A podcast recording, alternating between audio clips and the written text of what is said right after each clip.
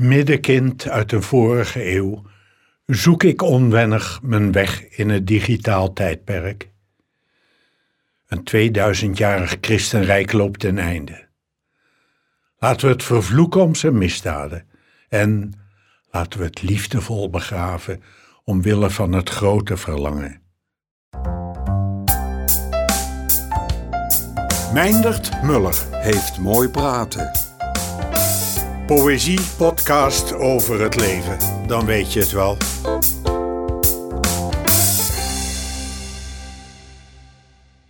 Laten we het in stilte begraven en uit handen houden van de gretige neogelovigen die dobbelen om de rok en al die andere te gekke spulletjes uit de boedel. Uit het zicht ook van de spraakmakende intelligentia, die God al eerder dood verklaarde en als een pluisje van haar manchet blies. Maar als we dan de begraafplaats hebben verlaten, het graf gevuld, de steen besteld, en we genieten van de nieuwe leegte, komen we op een dag in de buurt van Miste, dat gehucht, tot een verrassende ontdekking. Herfstbladeren onder onze zolen, de zaden wachten.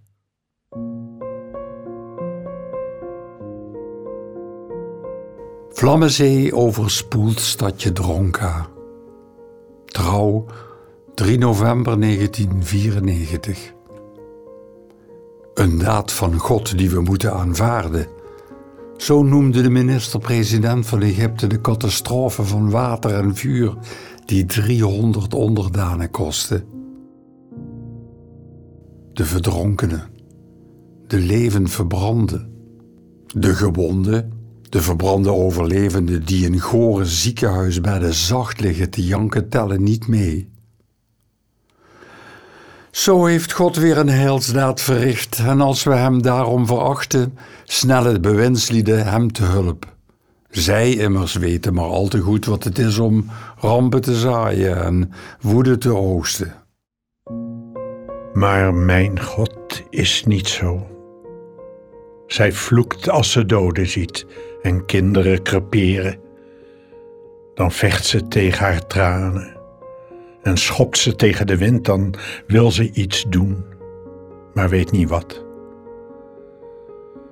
Mijn God is een vat vol tegendraadse tederheid, een groot, weerbarstig kind, onmachtig dood en verderf te zaaien.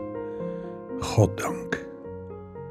Een oud en eenzaam kind moe gespeeld en al haar zandkastelen weggespoeld en weggewaaid en al haar luchtkastelen onbewoond gebleven. Mijn God is zo lief en alleen. Ze woont in een gammel, tochtig heelal. Geen mens die er komt. Geen mens die haar eenzaamheid breekt en deelt. Geen mens die nog met haar slaapt, haar liefde steelt. Ze woont er alleen met haar doden, wast hun wonden, sluit hun open ogen, kust hun wrange mond en wiegt ze alsof het haar kinderen zijn.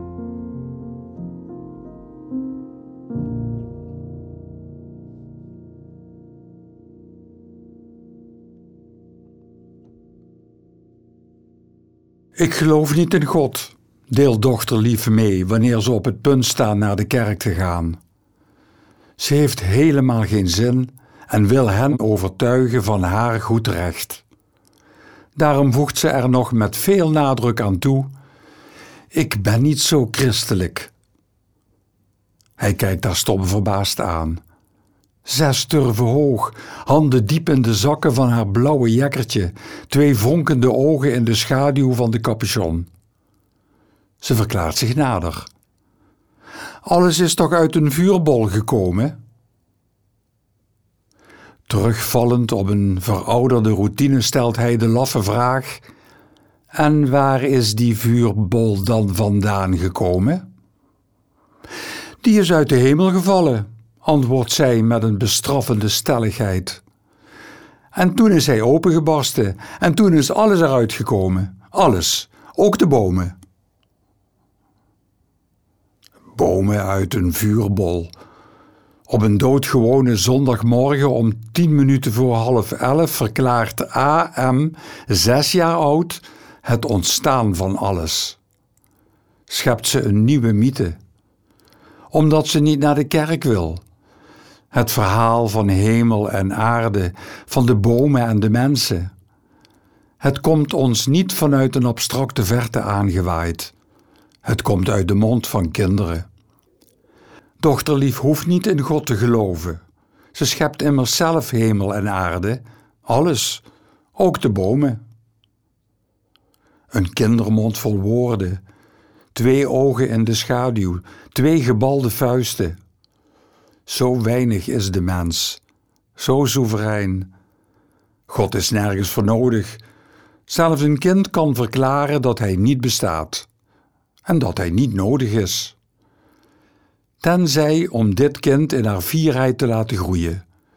Tenzij om ons te bewaren voor het geweld van onze woorden, voor de exploderende vuurbol die het einde zal zijn. In de kerk zit de dochter lief bij haar moeder op schoot en zingt luidkeels de liedjes die ze niet kent mee. Opeens draait ze zich om. Ik ben een boef, hè, zegt ze stralend.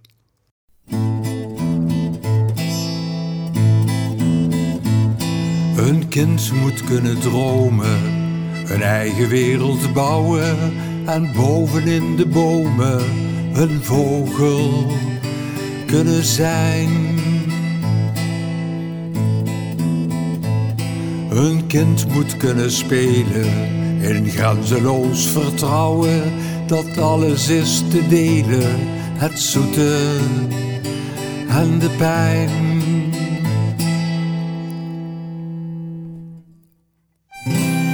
Als er op aarde geen vrede is, waar zal ons kind dan wonen straks? Ons kind zal blijven vragen: Waar vindt mijn droom onderdak?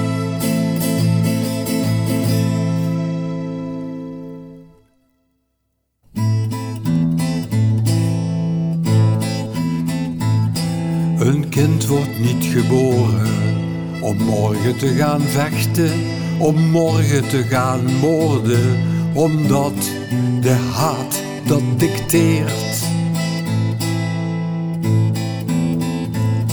Een kind krijgt niet het leven om veel te jong te sterven, zijn prille bloed te geven, omdat de hebzucht regeert.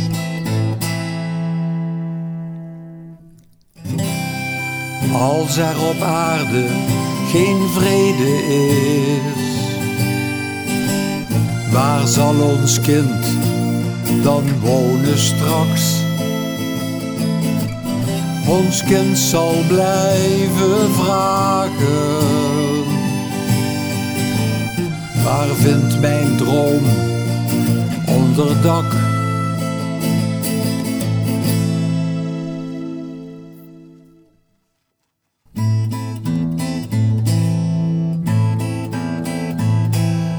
Kind moet kunnen slapen in een land van vrede, weerloos en zonder wapen, moe van de zon en de wind. Een kind moet kunnen huilen om eigen kleine pijnen en overal kunnen schuilen en overal worden bemind.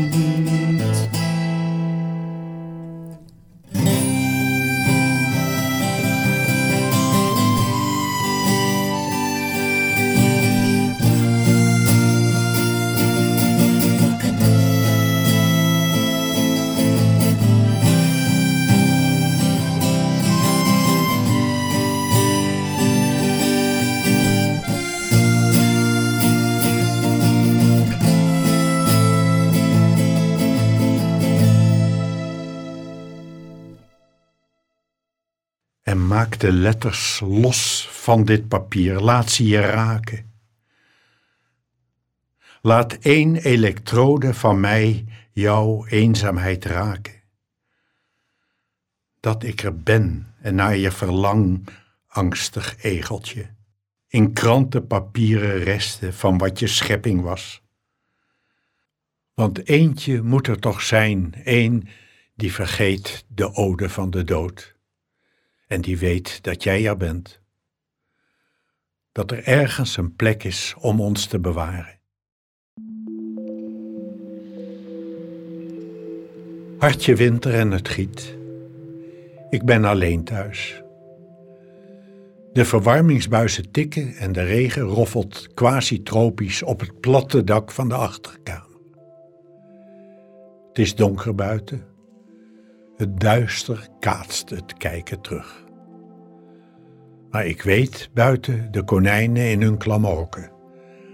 De bleke vissen onder het verschalend ijs van de vijver. Alle bomen in de tuin onttakeld en eenzaam.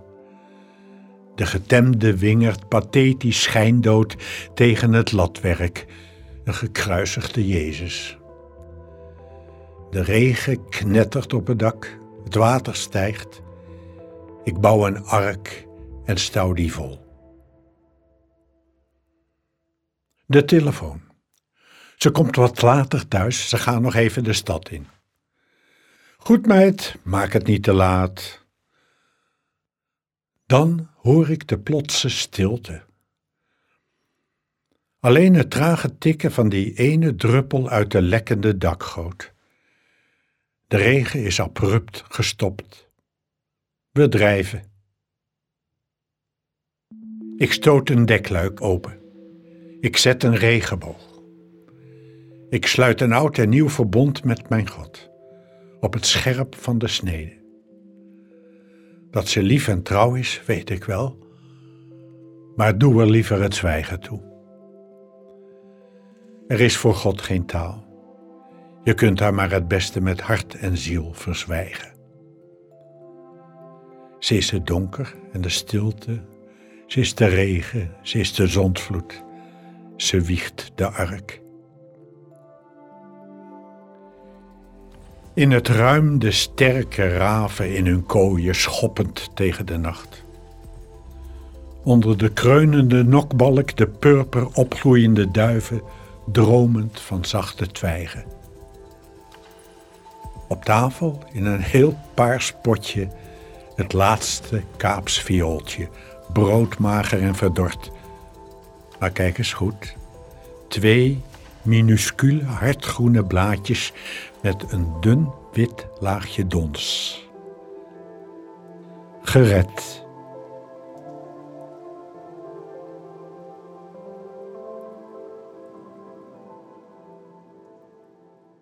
Loop in nazomerzon. Schop met mijn schoenen stofgoud uit het gras. Brandend valt er loof. Er vlammen eiken. Jouw schepping is zo godvergeten mooi. Waarom kom je niet? Waarom kom je zelf niet eens kijken?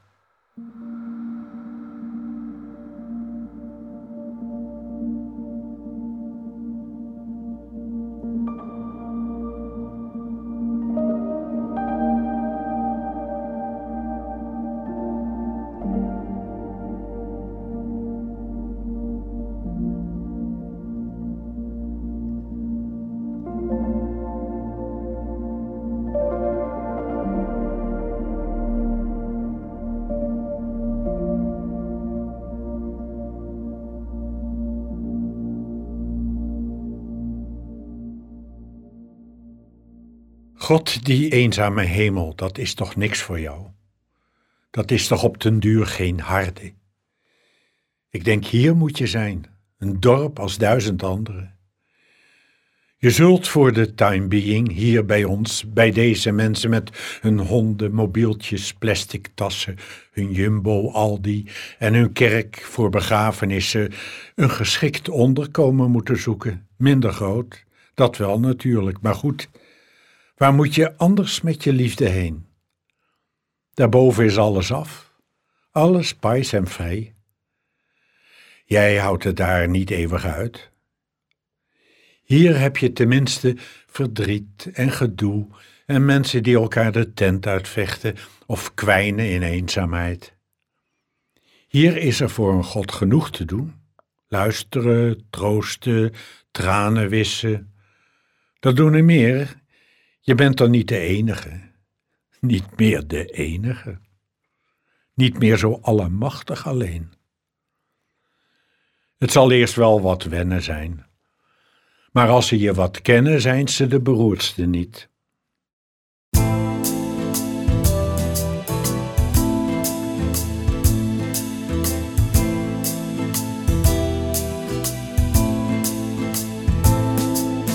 Mooier dan jouw hemel is ons heden. Als nieuwe zonnen stralen hier atomen. En slimme bommen brengen eeuwig vrede. De ster belooft vervulling aller dromen. Toch denk ik soms wel eens, toch denk ik soms wel eens. Neem alles maar weer over, zoals vroeger, lieve God. Geluk wordt niet gehinderd door geboden. De liefde is perfect en zo vol tover. We klonen het heelal vol jonge goden. En wat geen geld opbrengt, dat slaan we over. Denk ik soms wel eens, toch denk ik soms wel eens. Neem alles maar weer over, zoals vroeger, lieve God. De televisie straalt door alle ramen, bij alle mensen in de mooie steden. En brengt vermaak en leert ons grote namen. Die van jou, dat is te lang geleden. Toch denk ik soms wel eens, toch denk ik soms wel eens. Neem alles maar weer over, zoals vroeger, lieve God. Toch denk ik soms wel eens, toch denk ik soms wel eens. Neem alles maar weer over, zoals vroeger, lieve God.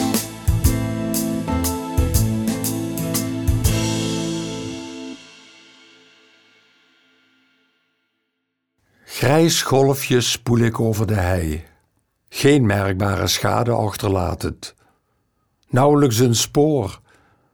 De lage hemel laat me ongemoeid. Geen bliksem werpt me van mijn stalen ros. Geen Saulus, geen God. Ik duik in het gebed der hoge bomen. Word in koelte gedoopt. Zwem in de genade terwijl ik mijn ziel verlies van onder de snelbinders. U verliest wat, roept een tegenligger, waarvan ik in de verste verte niet weet dat hij het is.